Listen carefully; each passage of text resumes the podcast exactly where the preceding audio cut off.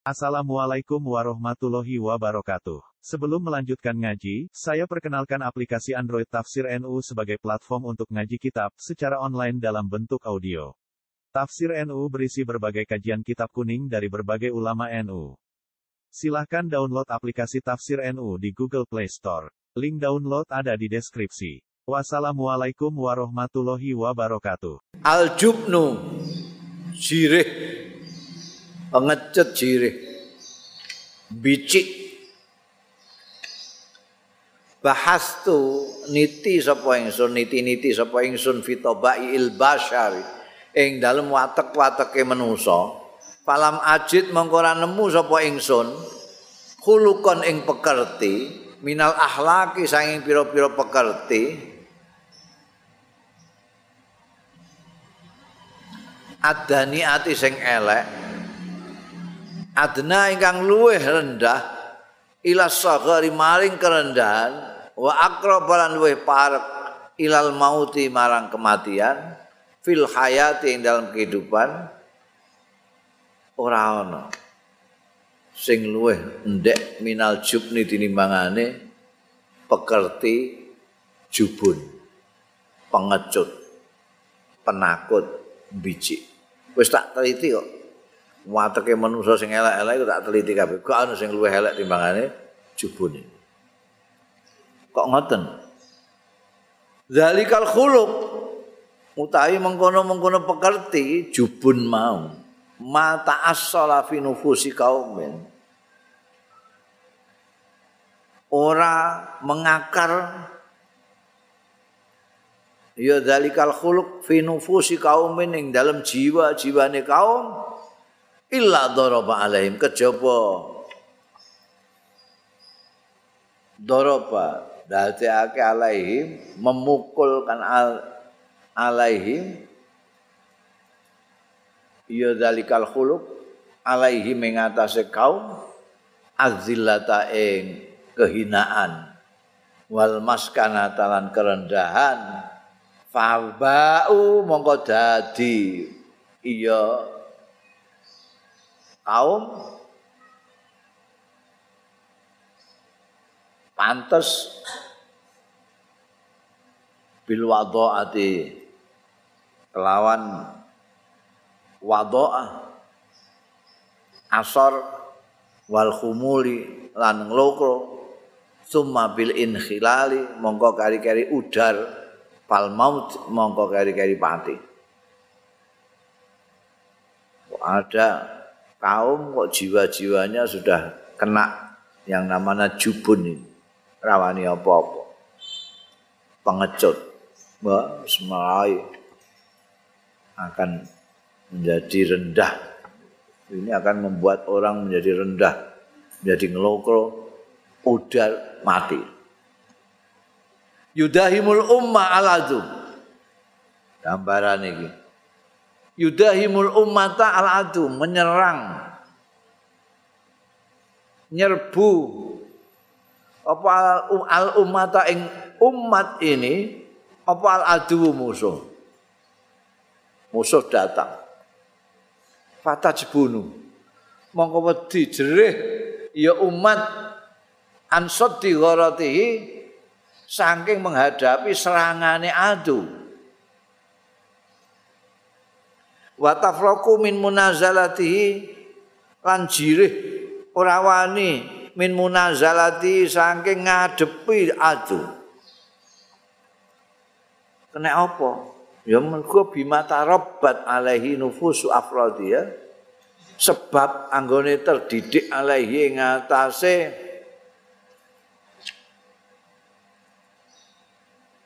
ma apa nufusu afrodihim jiwa-jiwane individu-individune umat.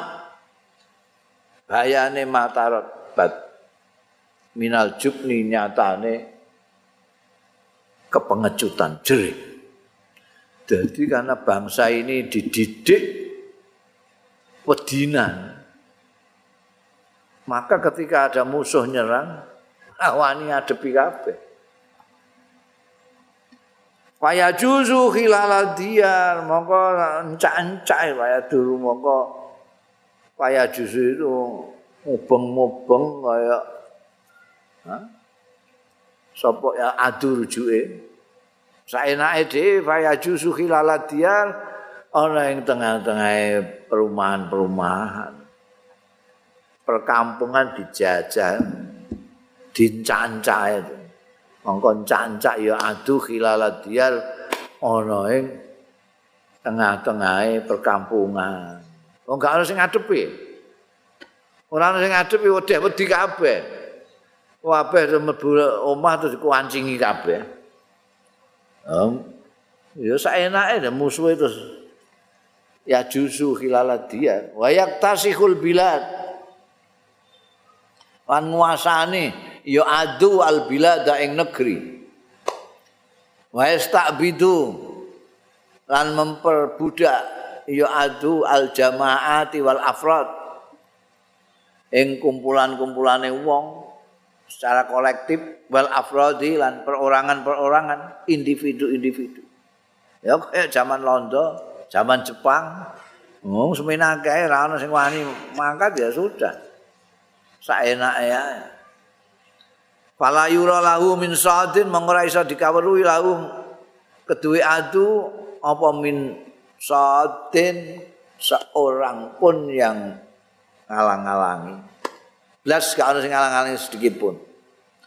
Wala li afailihi lan ora ninggal pelakuane pelakuane adu ora dikawruhi apa min radin sing nolak. Tidak ada satu pun yang nolak. Wah, ini wedhus-wedhuse wedhus kampung, eh negori wit-witan ngoplaki wong, wis gak ana sing wani apa-apa. Mergo iku mau eh, umatnya itu bangsa yang sudah terdidik untuk wedinan. Wa yaqumu fiha rahtun ulu fasadin. Lan jumeneng fiha ing dalem bilad ning umat umat. Apa rahdun kelompok ulu fasadin sing duweni kerusakan? Preman apa rampok apa teroris? Ha rahdun ulu fasad iki pokoke sing gawe rusak. Pala yajiduna mongko ora nemu. Ya rahtun mau la pala yajiduna nemu. Lahum. Ya yajiduna ora nemu ya rahtun lahum kanggo menghadapi rahtun ora nemu akadan ing seorang pun bil mirsadi ana ing mirsad. Mirsad itu ning dalan-dalan sing kira-kira akan dilalui oleh musuh itu di mana. Gak ana blas sis kampling ya ora ana wedi kabeh. Payah likunal harta payuh likun nek yahlikun rusak nek yuhlikun ngerusak. Payuhliku namung padha ngrusak ya rahtun al harsa ing tanduran wan nasla lan keturunan. Eh? Wong kewan dipateni tanduran dia rusak kabeh. Wong pancen dikne rahtun uru fasadin kok. Wa yaj'alunal ummah lan dadekane ndadekake ya rahtun al ummata ing umat didadekake kal hayawanatil ujmi kaya binatang-binatang sing liar itu. Dadek. Saenake dhewe. Padahal hanya sekelompok saja lho sekelompok. Preman itu sekelompok. Rampok sekelompok. Rampokan sekelompok teroris sekelompok. Banding umat dan akeh umat. Umat wedi kabeh. Walau la daul jubni kok lamun ora? Penyakit jubun penyakit jire penyakit kepengecutan. Laradat hum yakti nolak sapa umat hum ing rahtun ala aqabihim ing atase tungkak-tungkake rahtun dikeroyok bareng ora iso.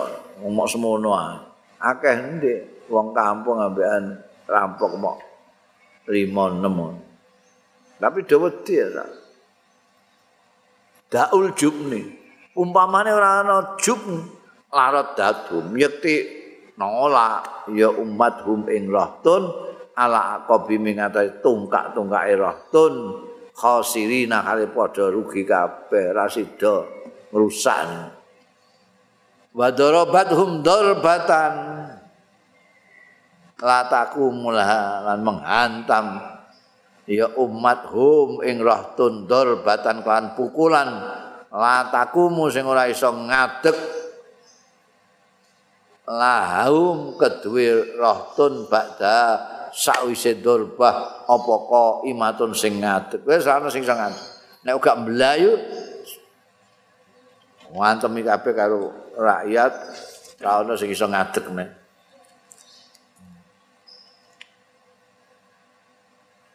Pasuku tu ai meneng ae. Sukut itu meneng ora lah apa-lah apa. Ala amaliman ing atase perbuatane wong yuri kang ngarepake ya man bil umati kelawan umat ini bangsa iki masyarakat kita umat kita yuri du ngarepake asua ing Allah.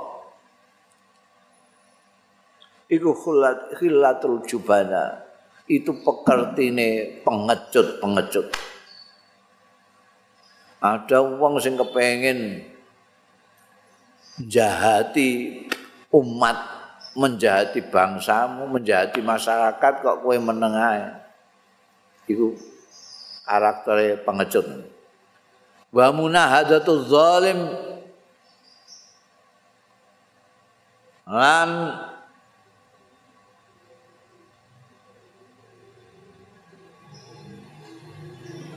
menghadapi melawan kezalim wong sing zalim. Iku mindalai hayatil ummah termasuk bukti-bukti kehidupannya umat. Nek ana sing zalim kok dilawan itu berarti bangsa itu hidup itu. Ana zalim kok dijarno meneng kabeh berarti mata umat. Fa inna hayataha mongko sedune kehidupane umat iku bima yang bagu bima yang bagu yang bohu fiha barang sing tukul fiha ing dalam umat bayani minas suj'an nyatane pemberani pemberani. Ini umat kuno ndak ada lahir pemberani pemberani ya sudah. Ma'e umat itu. Wa rabbul Ka'bah. Elek. Iku elek warabul Ka'bah. Utawi ayakuma yen to jumeneng bainana antarane kita sapa al jahil wong sing bodho fi zail ulama. Fi zail ulama utawi zail ulama. Ing dalem pakaiane ulama. Wong bodho guayane kaya wong alim. Wal fajiru lan wong sing kurang ajar fi mazharil atqiya. Ing dalem pencitraan wong-wong sing takwa. Wal khamilu wong sing malas nglokro menampilkan diri fi suratin nubha. Ing dalam citranya orang-orang yang sadar yang terjaga. Wal ajizu lan wong sing ora mampu nampilkan diri fi hayatil kudara ing dalam gayane wong-wong sing mampu-mampu. Padahal ajis wal mayitu lan wong mati kok fi libasil ahya nganggo pakaian kaya wong urip iku elek demi Ka'bah kalau di antara kita ini ada orang bodoh buayane kaya ulama. Gayane kaya wong pinter. Wong lacut gayane kaya wong takwa.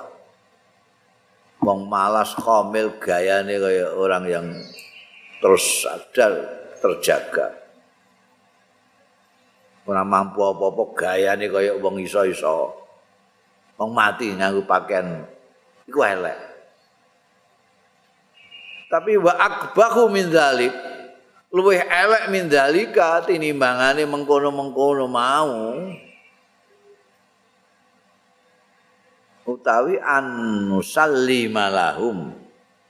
Yen to nampa kita lahum kanggo mereka semua itu hadhi dakwah ing iki pengaku-ngaku. Riaan wa nifakan karena riya lan nifak. Tomaan karena megamek fi jari magnamin ing dalem narik perolehan. Kedudukan bahwa duit bahwa Auli khawarin fin nafsi utawa krana kelemahan fi nafsi ing dalam jiwa. Wa dhafin lan ya kelemahan fil akhlaqi ing ana wong ra ilmu blas gayane kaya wong alim mlete nyantri ae ora tau kok jugu-jugu gayane kaya kiai kiai kan lewate kudu nyantri sih pakai kiai Nur nyantri ora tau kok gayane kiai. Iku elek. Tapi lu elek nenek kowe terus ngakoni. Terus mbok kiai no tenan. Nek apa? Mergo kowe diperseni. Iku ana sing merseni ngono. Ora mau perseni mbok apa pokoke mbok kowe disanak mbok diapakno lah. Gawene ditraktir apa piye. Eh. iku luwih elek kowe luwih elek ana wong lacut wis karuan lacute guayane kaya wong takwa-takwa oh, iku elek luwih elek neh nek kowe ngakon. Mergo mbentuk apa kowe iku? Masyaallah. Ning dindi kalungan serban. Padahal iki belas ah. Ora tahu apa-apa, bayang ora tahu, anu ora tahu karena dia punya kepentingan wah terus marani kowe kan, marani kowe nganggo serban. Eh? Kowe dikei tesbih sitok-sitok. Oh, terus kowe terus wah nyucup tangane la ilaha illallah. Iku kowe luwih elek timbangan didikne. Akbah min dalik. Maksudnya ngono iku jarno ae. Ben. Lalu soal iki apa? Magnam iku apa? Nek ora magnam ya li khawarin fin nafsi. Kala, karena lemahnya jiwa, jadi ada tampilan gitu. Saya kan akeh itu. Terus dulu jadi ustaz. Duduk dadi dai. Duduk. Iku ngajine ning ndi mbok telusuri ya ora. Wong lemah. Wong masyarakat itu lemah pokoknya. Pokoknya wong-wong muni ustaz jadi ini melak muni ustaz. Lho niku wonten sing tiyang mboten tiyang awam nggih ngoten. Oh iku mau mergo diperseni iku mau. Ana sing diperseni, ana sing diweden-wedeni, ana sing mancing lemah pikirannya, lemah akhlak. Angger nenggune TV wis disebut-sebut sebagai ustaz ya wis mau tidak mau ya harus mengatakan dia itu ustaz. Blas ora ana sing sempat neliti ini ngaji ning sapa. Ning sapa? Dalil dalil dalil kondi saiki soalnya ana kiai Google iku apa Angger wong terus rumangsa iso dadi ustaz mergo ndekne duwe kiai Google. Ya ana apa-apa ditakokno Google. Ya ana pertanyaan ngene iki jawab piye?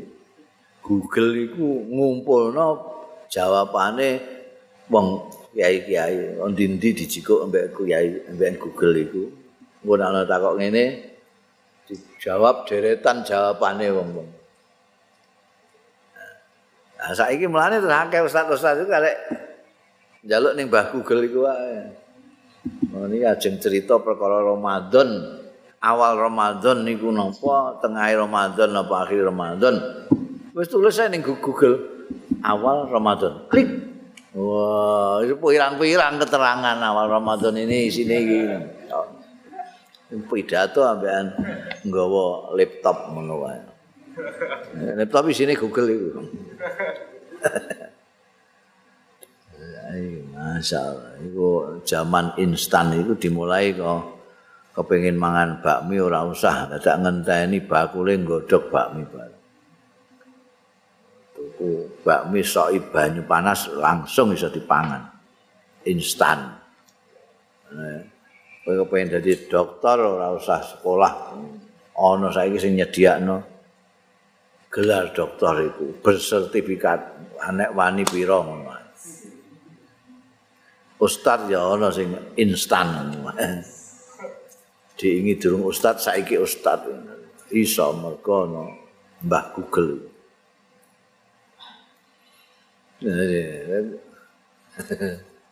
Yang ora nyalahno sing gaya-gaya kan. Sing salah aku sing nampa sing gelem ngakoni itu. Iku elek iku. Inam mithla hadzal khuluq sya'in setuhune padane iki pekerti sing welek iki alladzi masdarul jubn kang utawi sumbere hadzal khuluq iku al jubnu jreh iki. Emeh muni ora kok ora wani. Tetep nganggep ustaz. Ana mislah hadzal khuluqi sya'in iku hissun lil umat. Iku merupakan cidra lil umat, nyidrani lil umat marang bangsa. Wa taghrirun biha.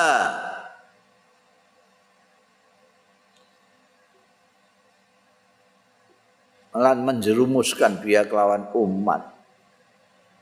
Nah, umat terus do melak-melak kowe Lah melak-melak ngakoni wong fajir diakoni takwa. Li anna tas taslim. Li annaha krana setuhune umat iku tas taslimu. Amrih menerima ilaman yakunul qadi ala hayati. Maring wong sing yakunu ana yaman. Ana iku al qadi sing menghabisi ala hayatiha ing atase kehidupane umat. menyerahkan kepada orang yang akan membunuh dia.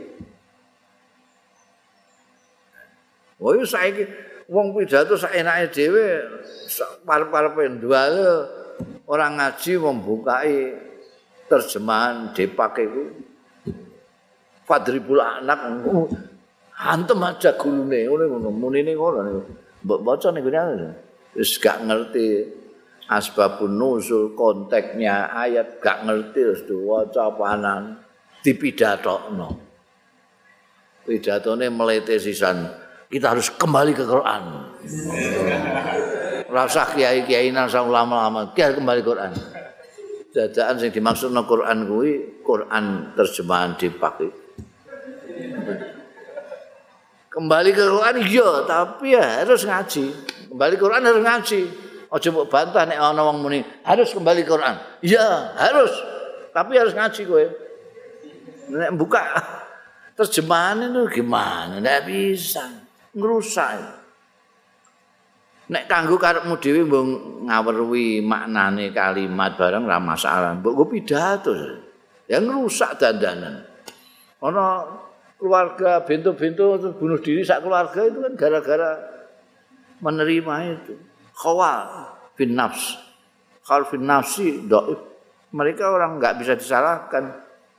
Iki loh, imam-imam yang apa aja. Yang delok kok ngono-ngono kuwi instan-instan itu. Itu. Jadi kalau kita menyerahkan kepada mereka, berarti menyerahkan untuk membunuh kita. Umat Nah, ini udah jelas. Kalau ada orang yang tahu itu tidak benar, ya harus umat diberitahu. Wah, jam manut iki. Iku gak ana dasare kecuali Mbah Google kalau terjemahan di Pak. Kembali ke hadis Nabi yang dimaksud mutiara-mutiara hadis itu terjemahan patang puluh hadis. Oh, gimana? Itu hadis itu ada asbabul wurud. Quran itu ada asbabun nuzul. Ada ilmu tafsir, ada ilmu Quran. Pirang-pirang. Jadi ilmu yang banyak yang dipelajari di pesantren itu itu kanggo Quran. Iku sing ngei pengetahuan begitu kiai-kiai. Lah kok tanpa kiai-kiai langsung Quran. Ya? Akale kuwi ndi? Piye carane? Wong kiai ku sing wis ngaji ilmu alat-alat. Ilmu alat itu ilmu alat yang untuk memahami Al-Qur'an sunnah Rasul. Iku ana ilmu alat. Dan iku ngaji antek tahunan kadang-kadang itu. Ngaji nahwune tok semene, sarape tok, balaghae tok, bayane tok, ilmu tafsir tok, ilmu Quran tok. Semua. Kemudian dipuapak langsung di bypass terjemahan Depak.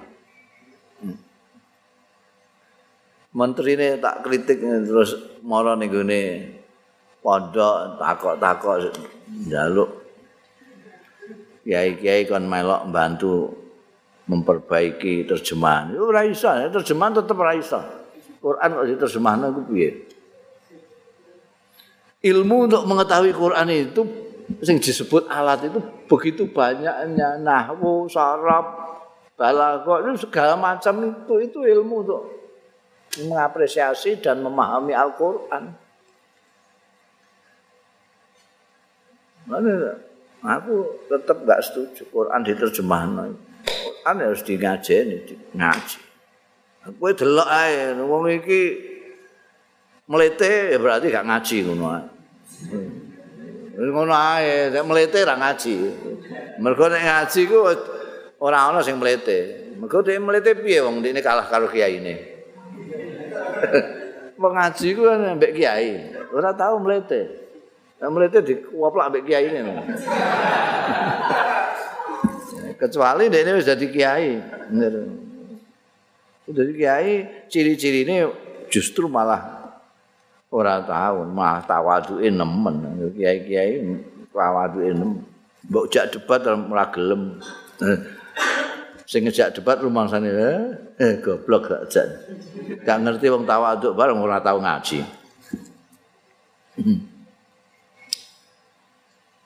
Ya Allah. Jadi menyerahkan diri ilaman yakunul qadi ala hayatiyah menyerahkan dirinya pada orang yang akan membunuhnya. Wal hadi mamabani istimaiha menyerahkan kepada orang yang menghancurkan. Wal hadi malan bang sing menghancurkan. Mabani istimaiha ing bangunan-bangunan kemasyarakatane umat. Wal muqawwidha arkan ahlakiha lan sing rusak tiang-tiang sendi-sendi ahlake umat. Dirusak. Mulane fa'idzukum mongko njalukna pangreksan sapa ingsun ing sira kabeh billahi kelawan Allah taala maksaran nasiin wahai pemuda-pemuda yang baru tumbuh Allah takunu yen to ora ana sira kabeh minal jubana masuk wong-wong sing wedinan sing cirih, sing pengecut. Tak jalukna perlindungan Gusti Allah supaya kowe kabeh ora dadi wong sing bicik, wong sing wedinan, sing kendel. Aja sing pengecut, sufaha ila adnya, wong kumprung-kumprung, bodho-bodho adnya sing asar-asar. Fa innal jubna mongko sedune jubun kepengecutan iku da un ayudain suatu penyakit segala-gala penyakit. Penyakit yang paling penyakit itu jubun. Karena dia merembet-merembet kepada menerima ketidakbenaran, gelem ngakoni kezaliman, justru ngangkat-ngangkat wong sing arep membunuh dia karena dia pengecut. Awu itu ngulinakno sira kabeh ampusaku mengawa-awak dhewe kabeh ngulinakno asaja ata ing kendel. Kowe latihan kendel tak tadul iba wasyamam. Angka biasakno sira al iba ing iba iba itu harga diri. Tidak mau melakukan hal-hal yang empreh-empreh. Wasyamami lan gengsi jogelem membiasakan iba harga diri aku mbok kon ngene mah lah apa? Iku rak penggaweane wong empreh-empreh aku mbok kon sombong bareng lah sombong sombong orang perbuatannya wong sing lemah-lemah itu. Saya orang kuat. Ngono. Innal jubna mongko setuhune kepengecutan. Kok jenenge jirih bicik qaddar bil ummah teman-teman melarati membahayakan bil ummati kelawan umat. Teman-teman melarati ya jubun bil umat kelawan umat. Hatta ja'alaha sehingga ndadekake ya jubun ha ing umat. Didadekake fi asfalit darokat ing dalem sak ngisor-ngisore darokat. Kowe nek munggah bahasa Arabe darajat. Undak-undakan sing munggah iku darajat. Nek munggah tapi nek undak-undakan kok mudun iku darokat bahasa Arab itu mudah.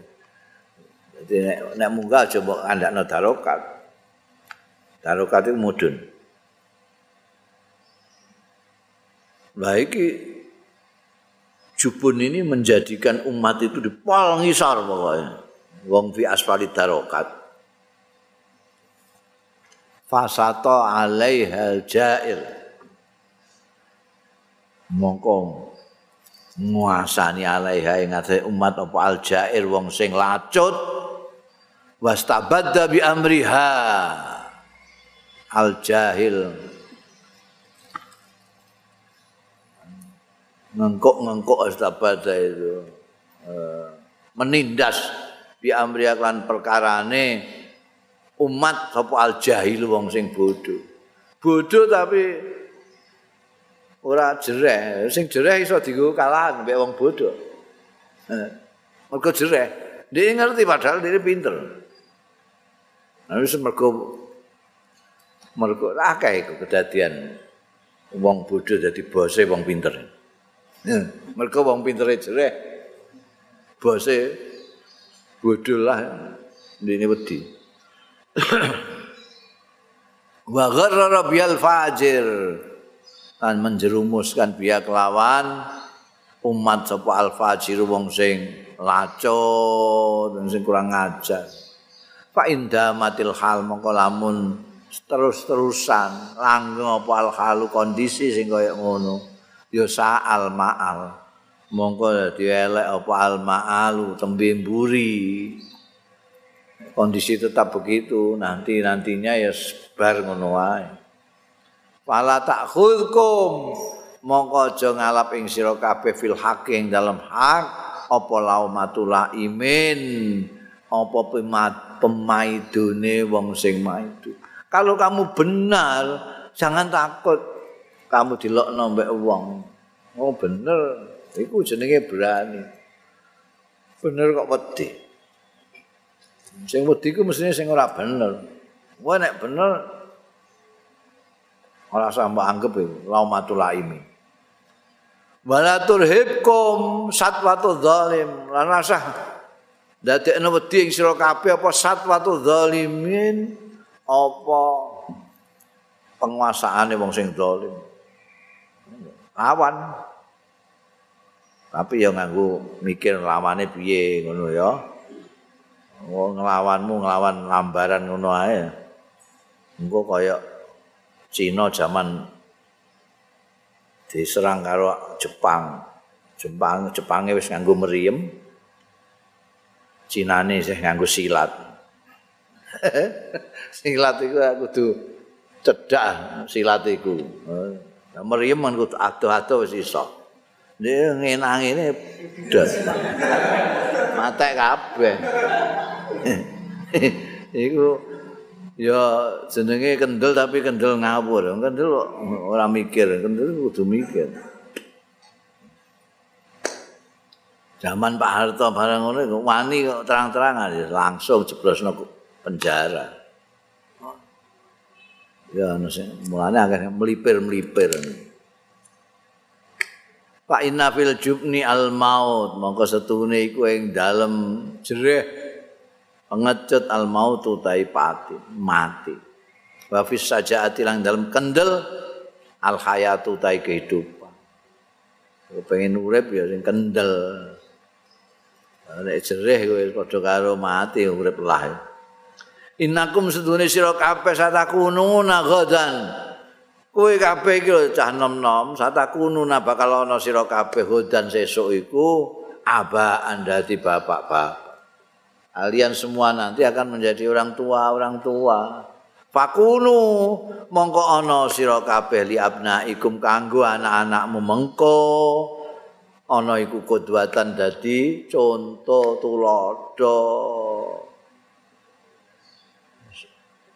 li abnaikum fakunono sira li abnaikum kudwatun salihatun sing patut tahya mongko urip bikum sebab sira kabeh apa al ummatu umat hayatas saada suada hayatas suadai lawan kehidupane wong-wong sing berbahagia.